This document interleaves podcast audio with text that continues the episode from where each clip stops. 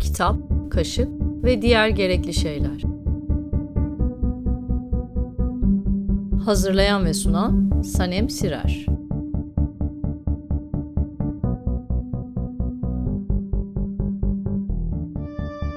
Merhaba.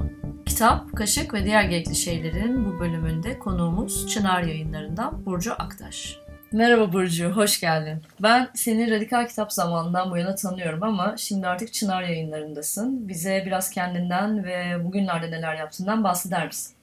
Merhaba Sanem, hoş bulduk. Doğru Radikal Kitap zamanında tanıştık seninle. Ki Radikal Kitap serüvenim diyeyim bayağı uzun sürdü, 13 yıl. 13 yıl. Radikal, Radikal Kitap'ta editörlük yaptım. Şimdi de Çınar yayınlarında çocuk kitaplarından sorumluyum 3 yıldır diyebilirim. 2016'da Radikal kitabı biz kendi açımızdan sonlandırdık. Yani zaten Radikal.com.tr de kapanmıştı. Ee, Ek Hürriyet Kitap Sanat olarak devam ediyor. Fakat biz Derviş Yentekin'le birlikte e, Radikal.com.tr kapanırken e, ayrıldık. Şimdi aslında yayıncılığın içindeydik ama farklı bir açıdan içindeydik. Kitap eki yapan insanlar olarak, önce okur olarak, sonra gazeteci olarak biraz içindeydik. Şimdi tam göbeğindeyiz. Birazcık da 3 yıldır bu işi öğreniyoruz.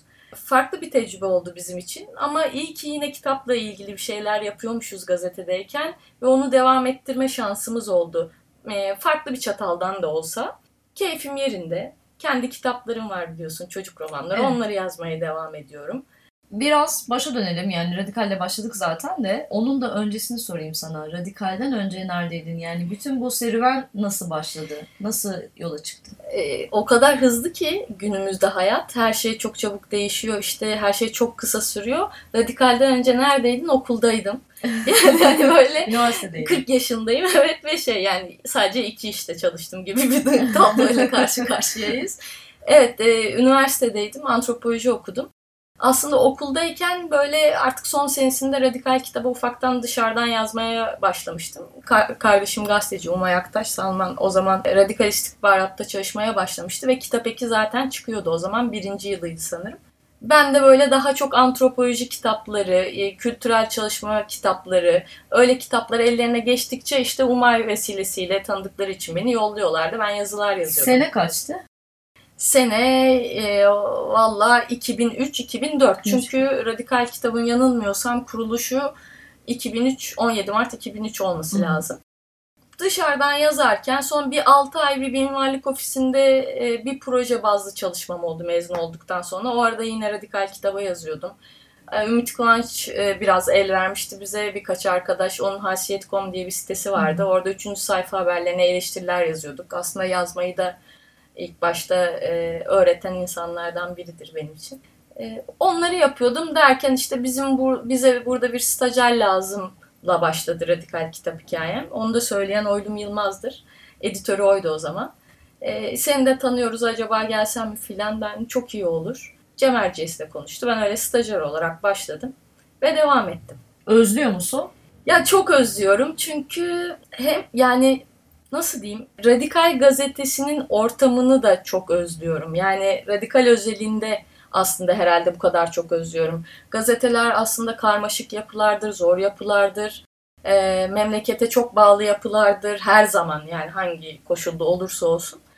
Ee, ama Radikal her zaman böyle o naif çalışan, idealist çalışanının çok olduğu bir kurum olduğu için biz orada her zaman çok mutlu, çok özgür ve kendimizi donatarak çalışma imkanına sahip olduk. O yüzden çok özlüyorum. Şimdi bakıyorum arkadaşlarımın hepsiyle görüşüyorum hala.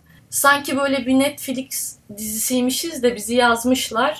Oynamışız sezonlarca. Bitmiş filan. Birileri hatırlıyor mesela ya şöyle bir dizi vardı hatırlıyor musun filan gibi. E, Tabii artık kültür sanat gazeteciliği özelinde özellikle söylüyorum. Diğer alanlarda da elbette öyle ama yani benim bildiğim kısım olarak oradan konuşabilirim. Yani alan olarak maalesef tabii çok daraldı. İçeriği, muhteviyatı olanlar tartışılabilecek şekilde yani minimumda hep e, işte. Yani bunun da bir götürüsü mutlaka var hem bize hem hayata hem okura. yeni alanlar açabildiğimizi düşünüyor musun? Yani sosyal medyayla veya e, internetin getirdiği e, yeniliklerle beraber. Bu arada bir şey. Hı hı. Radikal'in web sitesi artık yok mu? Yok.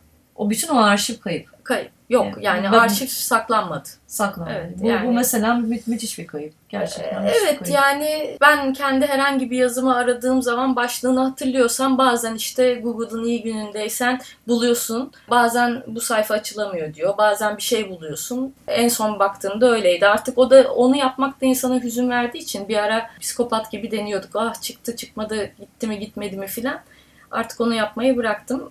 Kendi mat bu şekilde sakladığım için zaten ben sevdiğim yazıları, kendi yazılarımı, beğendiğim sayıları, Radikal 2 olsun, Radikal Genç olsun, Kitap 2 olsun, Cumartesi olsun ya da gazeteden herhangi bir köşe yazarının bir köşe yazısını onlar evde matbu olarak duruyor.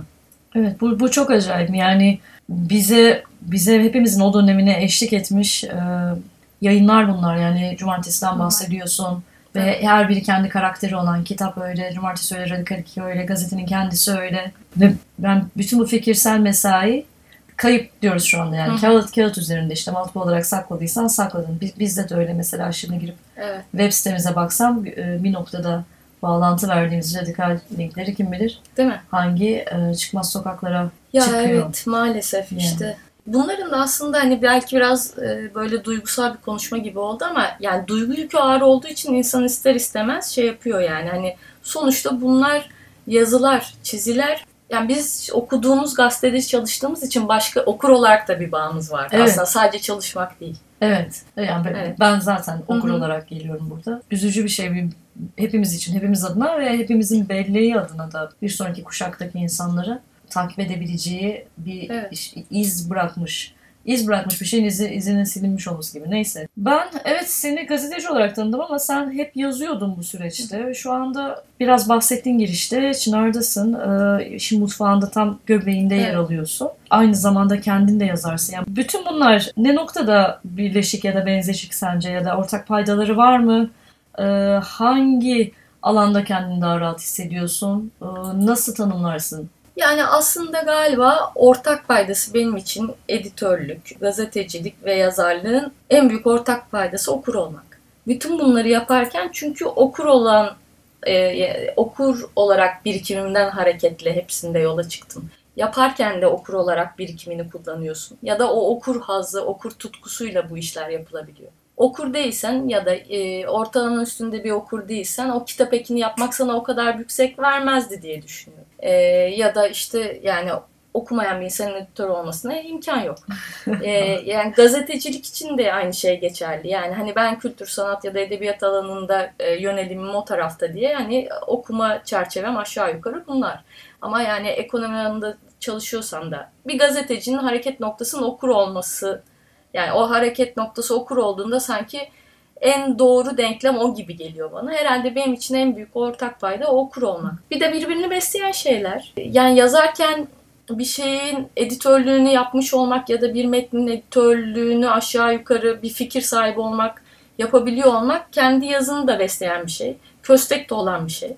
Ee, gazetecilik yaparken de işte e, kitap yazmanın ayrı bir faydası var. Ee, yani hepsi aslında böyle çok geçişken birbirini besleyen şeyler benim için. Hikaye anlatmanın farklı Evet, aynen öyle. Far- farklı yani farklı boyutları. formları farklı yani. Evet. Birini gazetede yapıyorsun o kadar yerin var. Birini roman olarak, öykü olarak sunmak istiyorsun. İşte birini de başkasının hikayesine başka bir e, açıdan katkı sunmayı tercih ediyorsun. çerçevesini Evet. belirliyorsun. Aynen. Peki çocuk e, çocuk alanına nasıl girdin? Aslında çocuk alanına nasıl girdim der hani böyle belli bir giriş şaşalı bir giriş böyle hani aklıma öyle bir tarih de gelmiyor da yani çocuk kitaplarını aslında ben çocukluğumdan bu yana okumayı hiç bırakmadım. Al- Herhalde şey o bir böyle devam etti. Yani çocukluk dönemi bitti, gençlik dönemi devam, işte hop yetişkinlik. Ama ben o arada hep çocuk kitapları okuyordum. Bu ilgimden dolayı da aslında ve tabii ki çalışma arkadaşlarım Derviş Şentekin ve Cem Erciyes'in de Radikal Kitap'taki çalışma arkadaşlarım da anmak isterim. Yani hep Radikal Kitap'ta böyle çocuk sayfası olarak bir varlık gösterelim, çocuk sayfası yapalım, çocuk kitaplarını es geçmeyelim gibi fikirler de onların da hani o e, sıcak bakışıyla ben o çocuk edebiyatı konusundaki bende devam eden şeyi birazcık radikal kitap sayesinde e, somut bir şeye dönüştürmüş oldum. Dolayısıyla bu kadar çok hani işin e, okur olarak içinde olunca yani günün birinde anlatmak istediğin hikayeler olduğunda da hani çok etkilendiğim bir alandan örneğini veriyor olmak tabii şaşırtmadı beni. Radikal kitapta e, çocuk bir eleştirmeniniz yok muydu? Ya o Böyle e, mektup formunda küçük küçük şey yazılar iki yazan. kardeş İkizler e, miydi? Yok. İkizler de artık buradan açıklayayım. İkizler. Onun birisi astronomcu, birisi bendim. Evet yani biz yazıyorduk. Siz mi yazardınız? Aynen öyle. Şimdi artık e, rahmetli olduğu için radikal kitap rahat rahat söyleyebilirdim. Berkcan'la Buse Naz. E, Evet. Berkcan'ı ben yazıyordum. Buse Naz Aslı Tohumcu yazıyordu. Vay inanılmaz bir aydınlanma yaşamış o yüzden yani çok keyif alarak yazdık. Hı. Hatta böyle işte çocuk değil diyen oldu. İşte yani tabii ki üsluptan çakan çakmayan konuşuldu tartışıldı bu 23 Nisan ben gayet gayet gayet inanmışım. 23 Nisan programlarına çağrıldılar filan. Yani e, evet çift yumurtaydı hatta köşenin Evet ismi. çift yumurta evet. İkiz de onlar bizim kurgumuza göre. Biri kız biri erkek çift yumurta ikizi. Öyle bir kurgu yapmıştık. E, fotoğraf olarak da e, Aslı'nın e, yeğeninin ve benim en yakın arkadaşlarımdan birinin erkek kardeşim fotoğrafı kullanmıştık. Şimdi ikisi de üniversiteyi bitirdi. Çalışmaya başladılar biraz. Müthiş. Ay, bu mesela harika bir hikaye. Valla öyle. O en keyif alarak yaptığımız radikal kitap köşelerinden biriydi. Ya, hakikaten şu anda bambaşka bir noktaya gittim.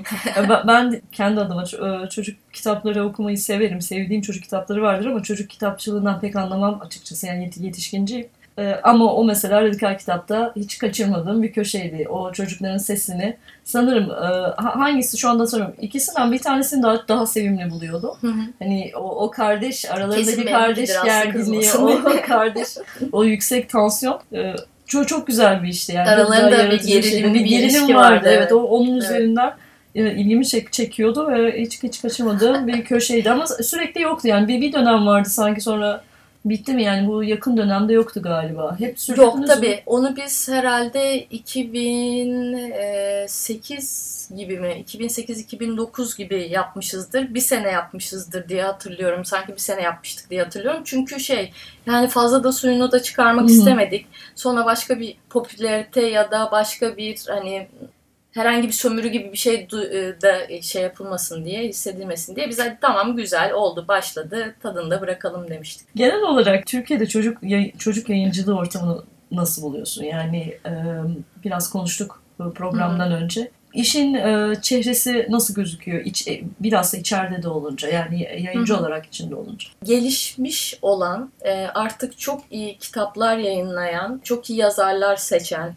yerli, yabancı, e, bütün dünyada çocuk edebiyatı algısını takip eden, e, fuara gitmek anlamında demiyorum sadece. Yani o literatürü e, artık olduğu yerden şimdi internet var işte e, her şey daha kolay.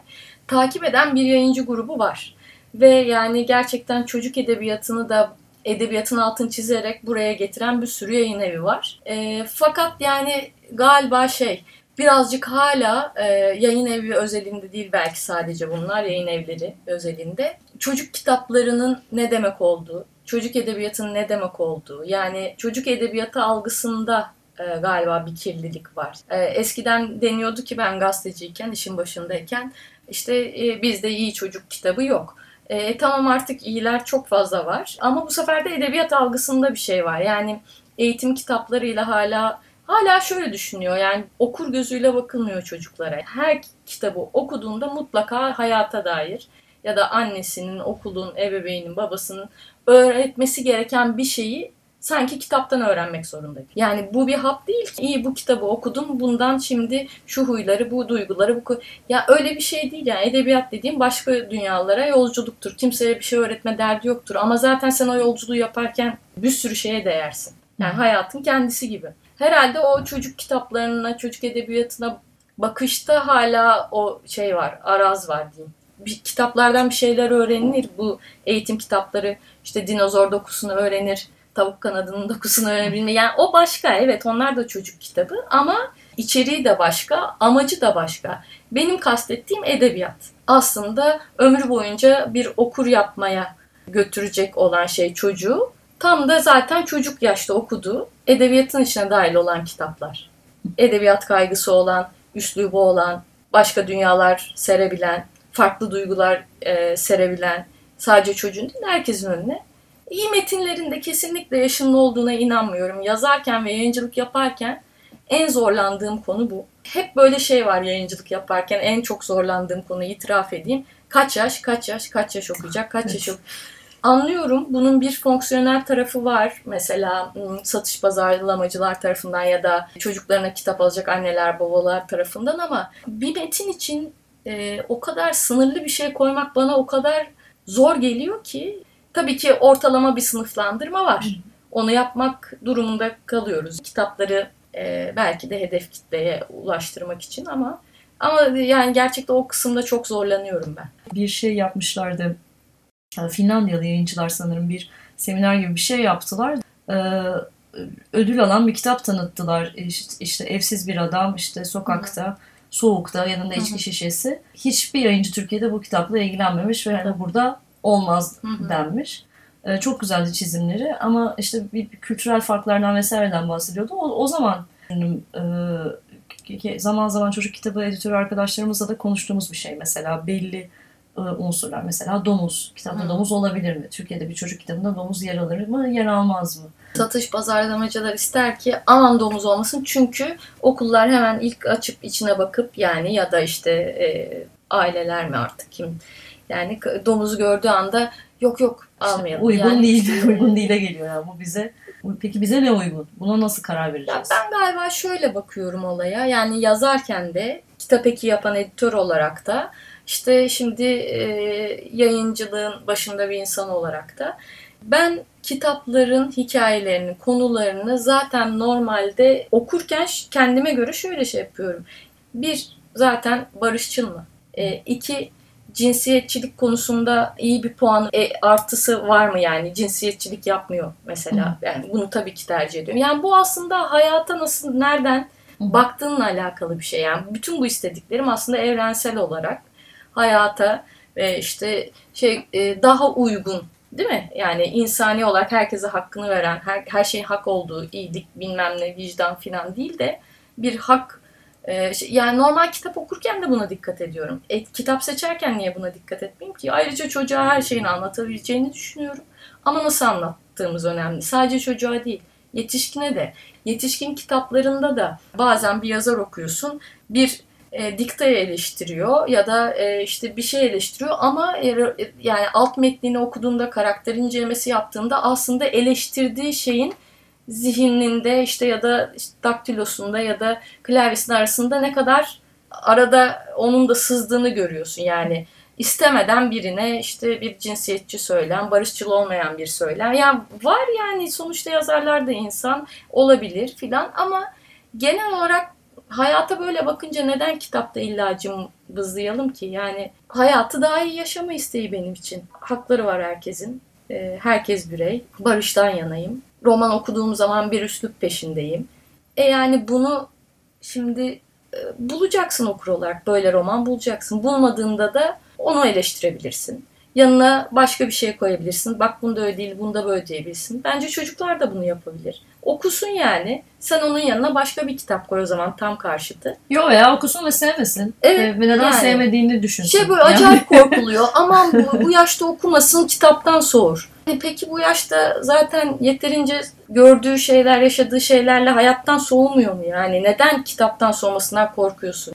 Niye soğusun ki? İşte o hap yani. kitabı hap hap gibi görmekle alakalı biraz sanırım. Evet bir ya. işlevi olmalı. Hı, aynen. Ee, şu şu işe hizmet etmeli. Evet. Yani şu, bu okuyacak olan kişiye şunu öğretmeli, bunu aktarmalı. Evet. Bu konularda yani bu noktada artık tabii mesela kurmacadan bahsettiğimizde e, şeyi biraz kaçırıyoruz işin e, başlangıç noktasını kaçırmış tabii. oluyoruz ve suni sularda yüzmeye başlıyoruz. Ya mesela savaş diye bir gerçek var. Yani savaş anlatan çocuk romanları hiç olmasın. Bunu çok iyi yapanlar var. Ee, bizim bastığımız Babam Bir Çalıya dönüştüğünde Hollandalı yazar.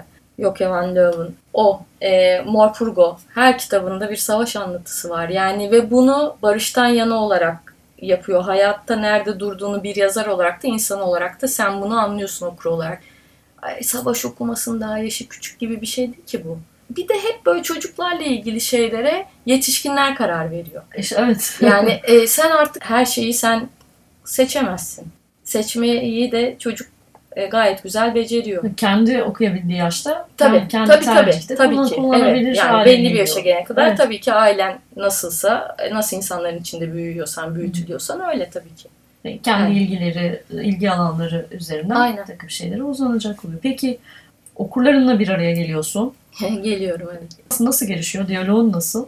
Yani aslında keyifli. Şöyle keyifli ama.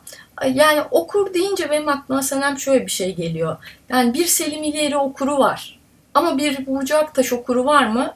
Başlamıştır ama yani sonra göreceğim gibi geliyor şimdi. Evet Çarpık Evi birileri okuyor. İşte e, birileri İstasyonda Valsi okudu. Birileri Durmayalım Düşeriz okudu. Birileri şimdi Vahşi Şeyleri okuyor. E, yani bir yazarın bir kitabını okumak tabii ki e, yani o yazarla ilgili çok şey söylüyor okura. Hı. Fakat ne zaman ki bir yazarı takip edersin, dertlerinin ne olduğunu aşağı yukarı bilirsin.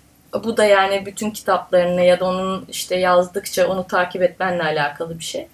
Okur öyle oluşuyor gibime geliyor. Ben de bir kere okuduğum, sonra bir daha takip etmediğim bir sürü yazar var. Ee, Yani sence okur e, bütün kitaplarını okumuş mu olmalı? Yo hayır ama şöyle bir şey. Ee, mesela hani biraz kuşak büyütmekle alakalı galiba. Ee, Gülten Dayıoğlu kaç Kaç- kuşak kaç büyüttü? kuşak, Yalva Çural kaç kuşak büyüttü? Yani şimdi tabii Yalva Çural okuru olmak, on, Gülten Dayıoğlu okuru olmak yani diye bir şey var. Hani e, okur benim kitaplarımı okumuş insanlarla, çocuklarla bir araya geldiğimde genelde çok iyi vakit geçiriyorum. Çünkü çocuklar süper eleştirmenler, e, objektifler, e, numara yapmıyorlar. Akıllarındaki her şeyi soruyorlar, sorguluyorlar. E, öğretmenleri ya da aileleri tarafından zapturapt altına alınmadıklarında, e, ellerine sorulacak sorular verilmediğinde tabii ki. Bir geri dönüş tabii ki benim için. Yani eğer çocuklarsa bu kitapların okuru, e, çocuklarla bir araya geldiğinde o geri dönüşleri alıyorum. Ama tabii ki şuna işte cümlenin başına döneceğim.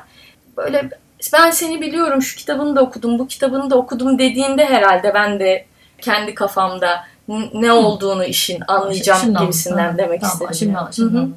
Peki mesela yazarken, yaz, e, tasarlarken şimdi, şimdi en son Vahşi Şeyler yayınlandı. Hı hı.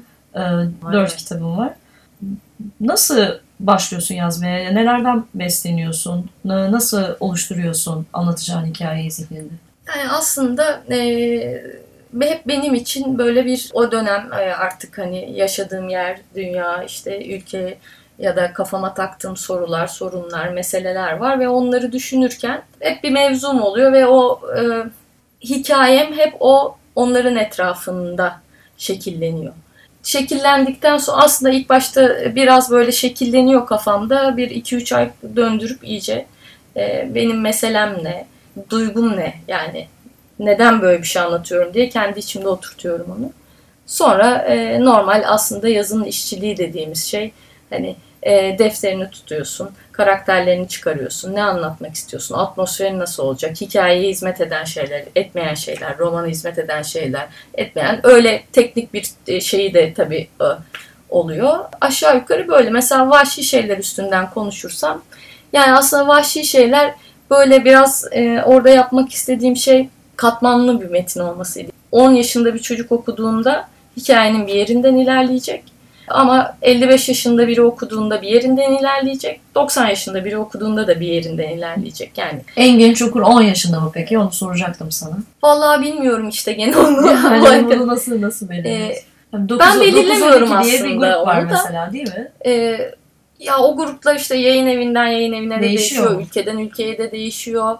Herhalde e, yani hiç bilmiyorum ya Sanem. Yani 10 yaşında e, şimdiye kadar çok iyi kitap okumuş bir çocuk vahşi şeyleri okur. Ama yani 10 yaşında ne bileyim az kitap okumuş, daha ince metinler okumuş bir çocuksa herhalde Ona ağır gelecek. Evet belki orta okulun sonlarına doğru okuyacaktır. Bilemiyorum yani. İnan hiç çözemedim onu. Onu Yani da sen yazarken bu senin için bir unsur değil. Buna Değil, kafa yormuyorsun. değil. Yani Yok, Bunu- yormuyorum. Ben bir en, genç okuru kaç yaşında diye bir soru Yok, yok, yok. kafanda. hiç bulmuyorum. Ee, yani yayıncıya düşen bir iş. Onu Yani ben yazıyorum. Yayıncı onu sunmak yayıncıların işi. Hı. Nasıl istiyorsa öyle sunsun. Tabii buna itirazım olursa söylerim. Ya da katkım olursa da onu da söylerim. Bir meselem vardı. Ee, artık dışarıdaki dünyaya çok yabancılaşmış bir yaşlı kadın. 85,5 yaşında mualla. Sadece evinin penceresinden dışarıdaki hayatı izliyor. Çünkü dışarıdaki hayata müdahil değil. Her şey çok değişmiş. Dahil olamaz. Şehir vahşileşmiş. Yani aslında hani benim meselem de buydu o zaman kitabı yazarken. Yazmadan önce de düşündüğüm. Hani nasıl başlıyor dedin ya nasıl çalışıyorsun. Ee, bir yalnızlaşma hikayesi. Ama e, bir çocuk bunu okurken bir yalnızlaşma hikayesini tabii ki görecek ama e, herhalde belki çocuğu etkileyecek olan şey e, o şehre inen hayvanlar var mesela ya da şehirde ortaya çıkan hayvanlar. Yani e, şehir diye e, bir yerde geçiyor zaten. Yani aslında her şehir her vahşi şehir gibi. Boğazı karşıdan karşıya geçen denizi domuzlar. İşte trafik Domuz ışığında var evet e, trafik ışıklarına gelen bir karaca şehrin merkezine yani Osman Bey gibi bir yerde bir karaca görüyorsun yani düşün. Ya da bir inşaatta işte dışarıda olan onlarca inşaattan birinde kış uykusuna yatan bir ayı. E, belki 10 yaşındaki birini daha çok bu dinamikler tutacak. Bu bir tahmin. E, ama işte e, Selim okuyup bana yaptığı yorumlardan işte onun yaşında e, ve yazarlık tecrübesindeki birisini neresini yakaladığını e, işte duyuyorum. Yani bu benim hani bilerek de bu matematik kur, kurarak bunu yapmadım ama o katmanlar da benim hoşuma gitti. Bunu denemek istedim. Bazen okuyor arkadaşlar e bu çocuk romanı değil. Ya roman işte o ya. Hani çocuğu yetişkini beğeniyorsan yani kitap seni aldı götürdüyse oku canım hani artık yani e, e, okumazsan da okuman çocuk romanı diye düşünüp eline almıyorsan da alma. Yani ne yapayım Çocuk ben? romanı ne aslında yani bunu bunu e, Çocuk kitapları çocukların da okuyabileceği kitaplardır. Zaten yetişkinler okumalıdır onları. Yani aslında özetle benim için böyle. Çocuk edebiyatı, çocuk kitabı çocukların da okuyabileceği kitaplardır. Yani. zaten evet. yetişkinler de okumalı. Evet yani okursun yani okursan okursun yani hani yazar seçebilirsin, üslup seçebilirsin, bir yazarı takipçisi olabilirsin, okuru olabilirsin, diğerini olmayabilirsin. Özgür herkes. Sadece işte ben o yaşsız metinler e, hep benim aklımı çeliyor e, bir şey yaparken. Galiba yani birazcık da bu vahşi şeylerle en çok onu denedim. Öyle de sanki gidecek. Peki şimdi, aslında çok çok güzel gidiyor e, sohbet ama e, ba- başka bir tarafa dönelim istiyorum. Senin e, okur olmaktan bahsettin konuşmanın başında. Senin bir okur olarak, bir çocuk okur olarak okuyup sevdiğin, hala bugün geri döndüğün ya da bugün olduğun kişi olmanda katkısı olmuş metinler var mı, kahramanlar var mı? Aslında çok net öyle kitaplarım ve kahramanlarım, karakterlerim yok. Ama şey yani çocukken en çok sevdiğim ve hani okurken kendimi hala hatırladığım e, Gizli Bahçe var. Onun dışında öyle çok net bir kitabım yok. Birazcık da galiba yani bizim evde çok dergi vardı. Ben dergiciydim. Çok mizah dergisi vardı. E, Hangi dergilerden bahsediyorsun? Yani Ustura filan gibi. Hı hı. E, işte ya da Bütün Dünya gibi. E, içinde bir sürü bilginin olduğu, Hı. işte tek ciltte toplandığı bir sürü sayının filan. E, yani parça parça çok şey karıştırdım. Tabii ki kitap da okurdum ama galiba hep böyle çocuklukla ilgili hatırladığın deyince Gizli Bahçe dışında hep dergileri hatırlıyorum. Dergi okuru olarak. Evet. Evet, mes- biz, biz çocukken Milliyet Kardeş, Evet. işte e, Tabii. bankaların Doğan zaman Kardeşler, Doğan Kardeş, İş, İş Miçolar, Bankası'nın şeyler. Kumbara dergisi vesaire. Yani çok fazla aslında yayın vardı çocukların. Sonra işi. o bende devam etti işte bilim teknik işte Evet. yani edebiyat merakıyla bir sürü şiir dergisi işte e, kitap ekleri dünya kitap filan. evet. Hani hep o devam etti. Şimdi e, Çınar'dan pek az bahsettik. Konuşmanın e, sonuna doğru gelmeden önce yani kapatmadan önce biraz Çınar'ın yayıncılığına dair bir şeyler konuşalım isterim. Yani ne, ne- neler yayınlıyorsunuz, neler yayınlamak niyetindesiniz. E, benim çok sevdiğim mesela şimdi dedim ya e, çocuk kitabından çok anlamam ve senin tanımın da çok güzeldi az önce. Bütün yetişkinlerin okuması gereken kitaplar. Mesela bir zombi kahramanınız var küçük kız. Mortina, Evet, evet, onu ondan evet. biraz bahsedelim isterim. Mortina e, İtalyanların e, yani İtalyanlardan aldığımız bir kitap. Barbara Cantini yazarı da çizeri de. Gerçekten çok nasıl diyeyim e, gördüğün an, okuduğun an fiziksel olarak yani resimlemesini gördüğün anda böyle kalbini çalan bir çizimi var. E, hikayelerin sıcaklığı da öyle. Una Bambina zombi, çocuk zombi şeyi Mortina. E, şimdi üç kitabını bastık biz Mortina'nın. Dördüncüsü e, Eylül gibi çıkar çünkü Temmuz'da çıkacak İtalya'da. Şu sıralar bize yani onun pdf'i gelecek okuyabileceğiz. İtalyancadan bize Bahar Ulukan çeviriyor. Yani katkısı sonsuz. E, çünkü çok güzel Türkçeleştirdi. Şey gibi hani pıtır, pıtırcık deyince Vetkanet'te hep aklımıza geliyor. E, işte ne bileyim Çürükoğlu villasıydı, Ruhiye teyzeydi falan onları Türkçeleştirirken gerçekten e, hemen böyle hikayenin içine girebileceğimiz şekilde Türkçeleştirdi. O devam edecek. E, hatta eğer her şey yolunda giderse ve müsait olursa Barbara Cantini'yi de buraya davet etmek istiyoruz bir süre geçtikten sonra. Tina 24 dile çevrildi dünyada şu an. Ve işte film hakları konuşuluyor. Amerikalılarla ve İtalyanlarla ortak. E, galiba Mortina'nın ünü bayağı bir yayılacak. İtalyan sıcaklığı var yani gerçekten şeyde. Bizim hani yaban, e, İtalyan yayıncısıyla da aramız öyle. İtalyan sıcaklığı şeklinde. E, çocuk kitaplarımızda işte e, aşağı yukarı her ay iki ya da üç kitap yayınlıyoruz. Ona devam edeceğiz. Yaz boyunca da devam edeceğiz benim çok sevdiğim, çok önemsediğim Morpurgo'nun işte e, kitabını yeni bastık. Kurdun ağzında. Baro diye bir çizer vardır. Hı, Şeyden, çok güzel, çok güzel bir edisyon. Evet. Evet. Red House'tan çıkar onun kendi Picture Book renkli resimli kitapları.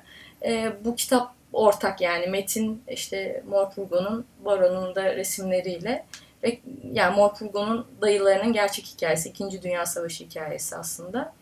O var. E, Kitap Nasıl Okunur diye bir kitap çıkacak. Ee, yine böyle resimli kitap 32 sayfa.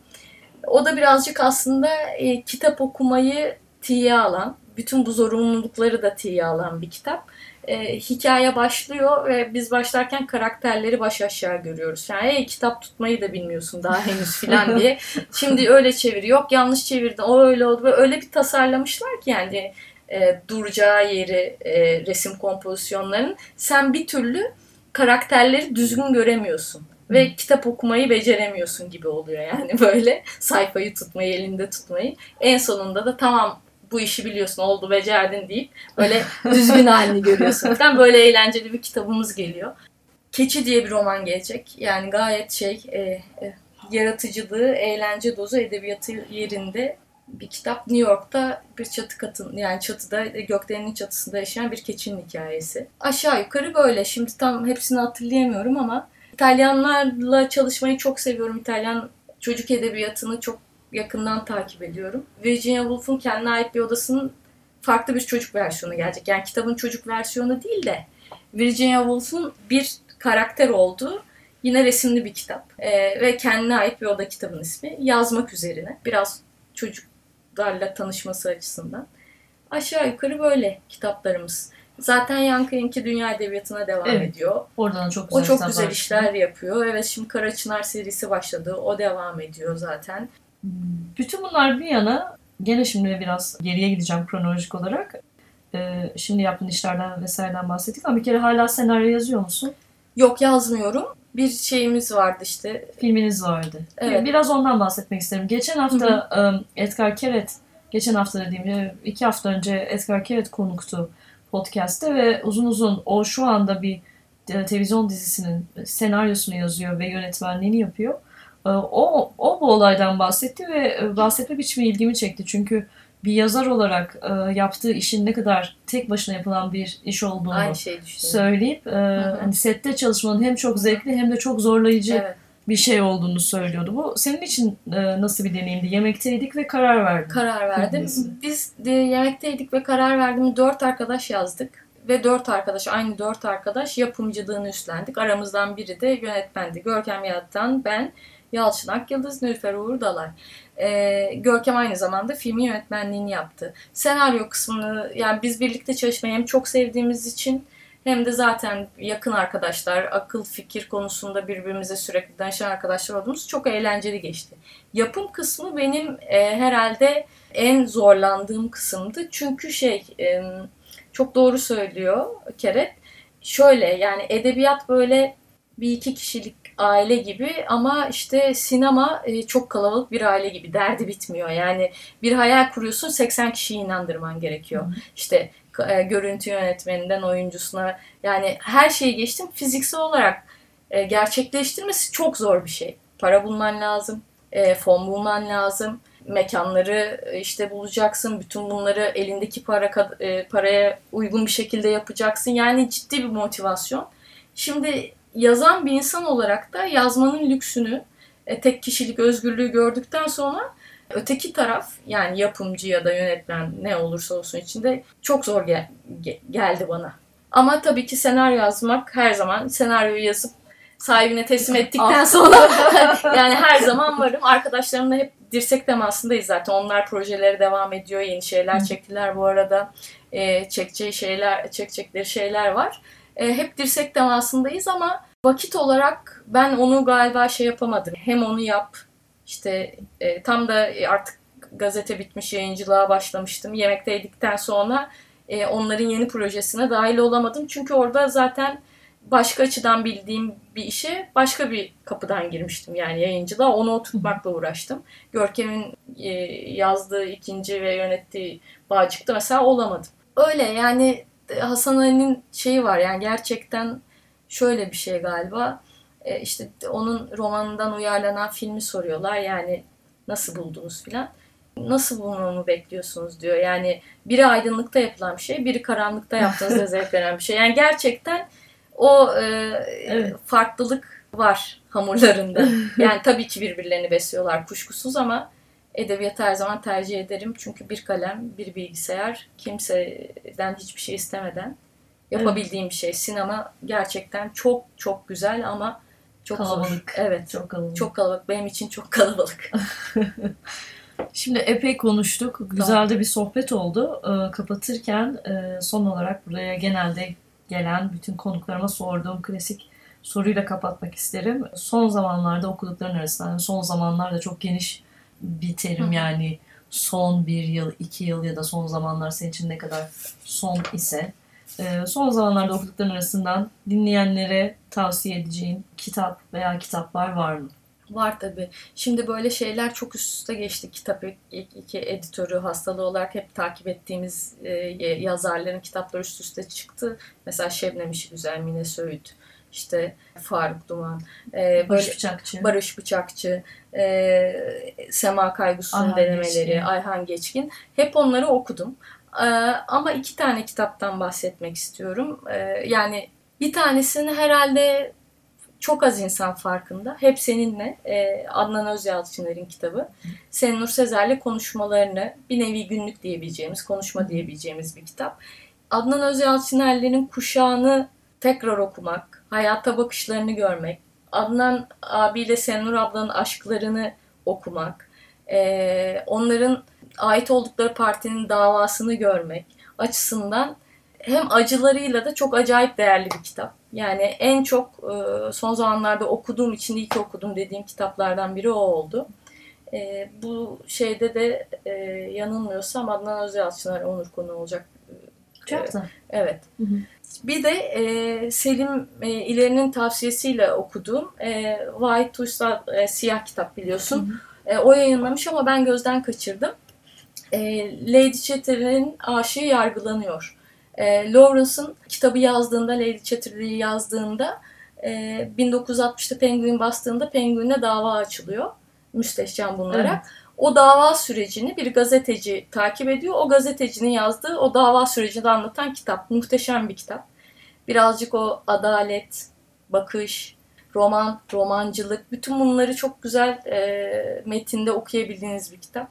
O yüzden bu ikisi en çok hani e, sorduğun için önerebileceğin dediğin için o. Yoksa yine Söğüt'ün kitabını da çok beğendim. Gergedan. Evet. E, Hatice Meryem'in yetimini de beğendim. Yani hani o son dönem e, Şebnem İşi Güzel'i e, keza öyle.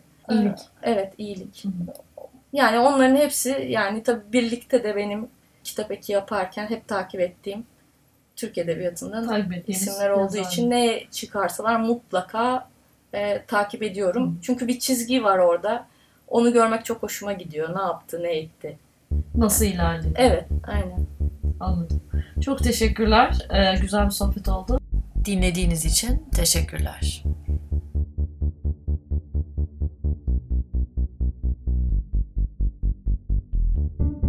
Mail adresimiz merkezkumanda.gmail.com Bize yazın.